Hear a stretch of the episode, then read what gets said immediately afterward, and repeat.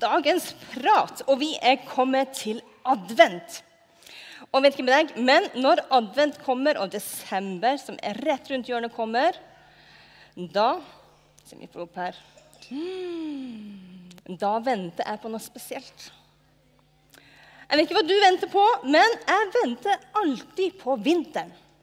Du vet den med snø. Og jeg håper i det lengste at det blir akkurat passelig kaldt, stjerneklart, og trær som henger tungt av vekten av snø. Tonnevis av snø mens det drypper melis i lufta. Hele desember. Og gjerne to måneder til. Da er jeg så happy. Det er det jeg venter på, det jeg håper på. Nå er jeg 43 år. Jeg håper like mye hvert eneste år. Er det sannsynlig at det skjer? Ah, ikke si det. Ikke ta håpet fra meg. For jeg venter og håper likevel hvert eneste år.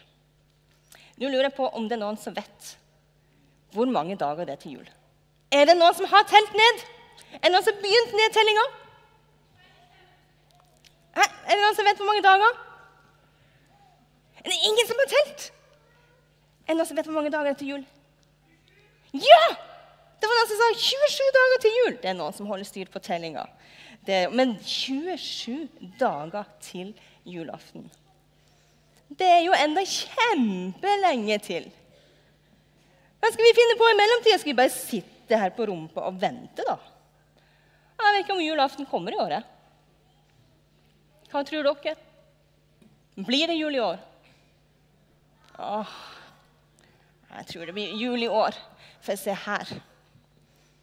I Jesaja 40 og vers 31 så står det Men de som venter på Herren, får ny kraft. De løfter vingene som ørn. De løper og blir ikke slitne. De går og blir ikke trette. De som venter på Herren. Og Nå skal jeg fortelle dere historie om noen som har venta mye, mye mye lenger enn du har venta på julaften ever. For da Jesus ble født, da hadde israelsfolket de hadde venta på en redningsmann som skulle komme i hundrevis av år. Ja, faktisk i tusenvis av år. Han skulle løse de ut, han skulle slippe de fri. Han var en som skulle kjempe for dem, og han skulle knuse Satans makt under sine føtter. Det var mannen de venta på. Han skulle være salva med Guds ånd. Og han skulle være en Guds mann og ja, en menneskesønn også. Han skulle bære våre sykdommer, våre plager og all vår skyld og vår skam. Det skulle han ta på seg. Og han skulle tørke hvert tåre bort. Og han skulle fylle oss med glede. Han skulle være Gud iblant oss. Og der ingen skulle tro at noen kunne bo. Der skulle det bli født barn som skulle forvandle hele verden. Og sånn de venta og venta og nå, nå var de drittlei, for igjen så var de blitt eh, underlagt romerne. De var jo ofte underlagt andre fremmede folkeslag. Så måtte de slave for dem, de måtte tjene for dem, de måtte betale høye skatter, mye høyere skatter enn dere har betalt strømregninga i høst. Og nå var det så urettferdig, og de var så lei. Og de ville så mye ha den der redningsmannen som skulle komme. Men Gud han så ikke bare et land og ett folk som var okkupert, med fremmede som utnytta dem. Han så at hele menneskeheten var okkupert og ikke fri. En hel verden i smerte så Gud. En hel verden i krig med hverandre så Gud. En hel verden med mennesker som undertrykker og utnytter hverandre. Han så også familier i konflikt.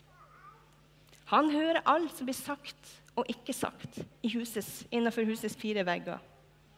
Og han så de som strevde for å overleve økonomisk, de som strevde for å få brød på bordet, men også penger til bursdagen.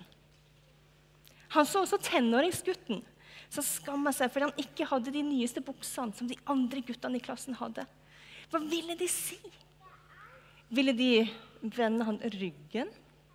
Eller ville de ta han inn i varmen? Det var jammen meg ikke sikkert om Gud så det. Han så jenta som ikke klarte å la være å lyge for å dekke over sin indre smerte og holde maska. Det er bedre å virke hard enn å knekke sammen. Og han så alle de familiene som var utslitte i kampen mot sykdommer. Gud så harde hjerter, og han så knuste hjerter. Fordi mennesket hadde vendt seg bort fra Gud. Derfor hadde dødsrikets krefter blitt en realitet i denne verden og i hvert eneste menneske. Det gode som de vil, det fikk de ikke til. Og det gode som de, og det onde som de ikke ville, det klarte de jammen ikke la være. Og Gud så at de trengte en redningsmann.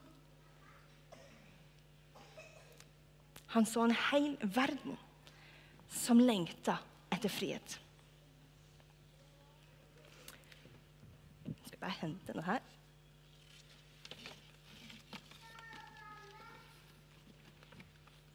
Den satt fast der.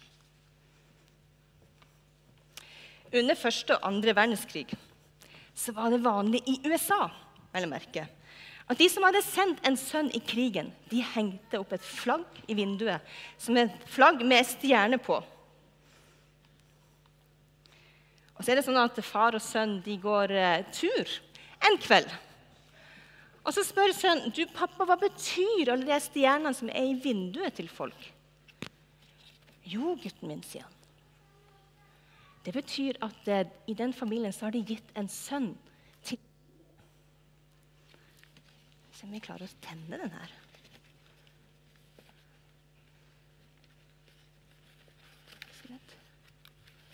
Se der. Og så gikk de videre. Og kveldshimmelen ble mørk. Og så kom de første stjernene opp. Første stjerna blinka til, og så sier gutten til pappa Pappa, se! Gud har også gitt en sønn i krigen. Og da Jesus kom til jorda, så var, en, var det en himmel som gjorde en invasjon på jorda. For jorda var okkupert av fremmede styrker. Av fiender. Av synd og djevel og død.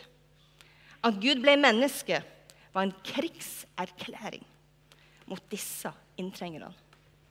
Nå var Gud steget ned for å befri sin verden og frigjøre menneskene. Så de første 30 årene da er det stille. Men når Jesus lukker døra for siste gang til snekkerboden sin, da skjelver mørkets makt.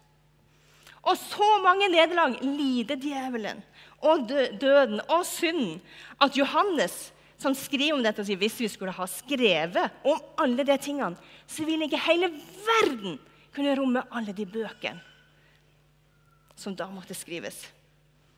Tenk! Det folka som hadde venta så lenge. Og så kom det. De hadde kanskje begynt å miste troa og motet. Hadde Gud glemt dem? Ville det komme? Vi forbinder advent med det å vente. Bare hør, det ligger liksom i ordet advent. Ikke sant? Advent. Men advent betyr egentlig ankomst. Herrens ankomst. Da jeg var barn, jeg tror jeg gikk i kanskje andre-tredje klasse, så hadde jeg ei venninne i klassen som lurte på en ting.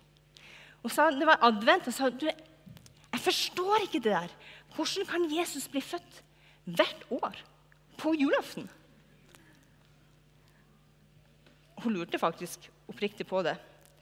Vi husker på, vi, feirer, vi sitter ikke og venter på at Jesus skal bli født fysisk og bokstavelig hver eneste julaften. Vi ser tilbake på det som Gud har gjort. Og feirer at Gud sendte sin sønn, og han holdt det han hadde lovt. Selv om folk har måttet vente kjempelenge. Og så retter vi blikket framover. Og så minner vi hverandre på at vi også venter på at Jesus skal komme igjen. Fysisk og bokstavelig. Vi venter på at Jesus skal komme som hans andre komme. For det har han også lova.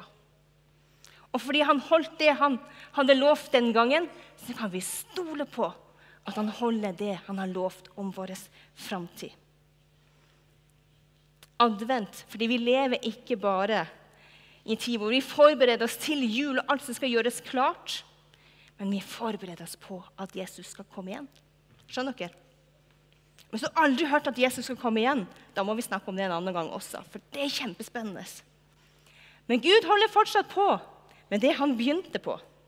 Og den som vil forberede seg på den, komme. Han joiner Gud i det han holder på med på denne jorda. Hvor han kjemper mot urett. Hvor han trøster. Hvor han løfter opp og hjelper mennesker. Han gleder de midt i deres strev, og han skaper fred mellom mennesker. Og han fordeler de godene vi har, sånn at de som har lite, ikke skal mangle. Og de som har mye, ikke nødvendigvis skal være i overflod. Gud sitter ikke på rumpa og venter på når Jesus skal komme igjen. Han jobber iblant oss. Han tjener iblant oss. For han vil at alle mennesker skal bli frelst. For han elsker denne verden. Og Derfor gir han oss ny kraft når vi venter på Herren. Derfor er det så flott det verset her. Men de som venter på Herren, de får ny kraft. De løfter vingene som ørnen og løper og blir ikke slitne.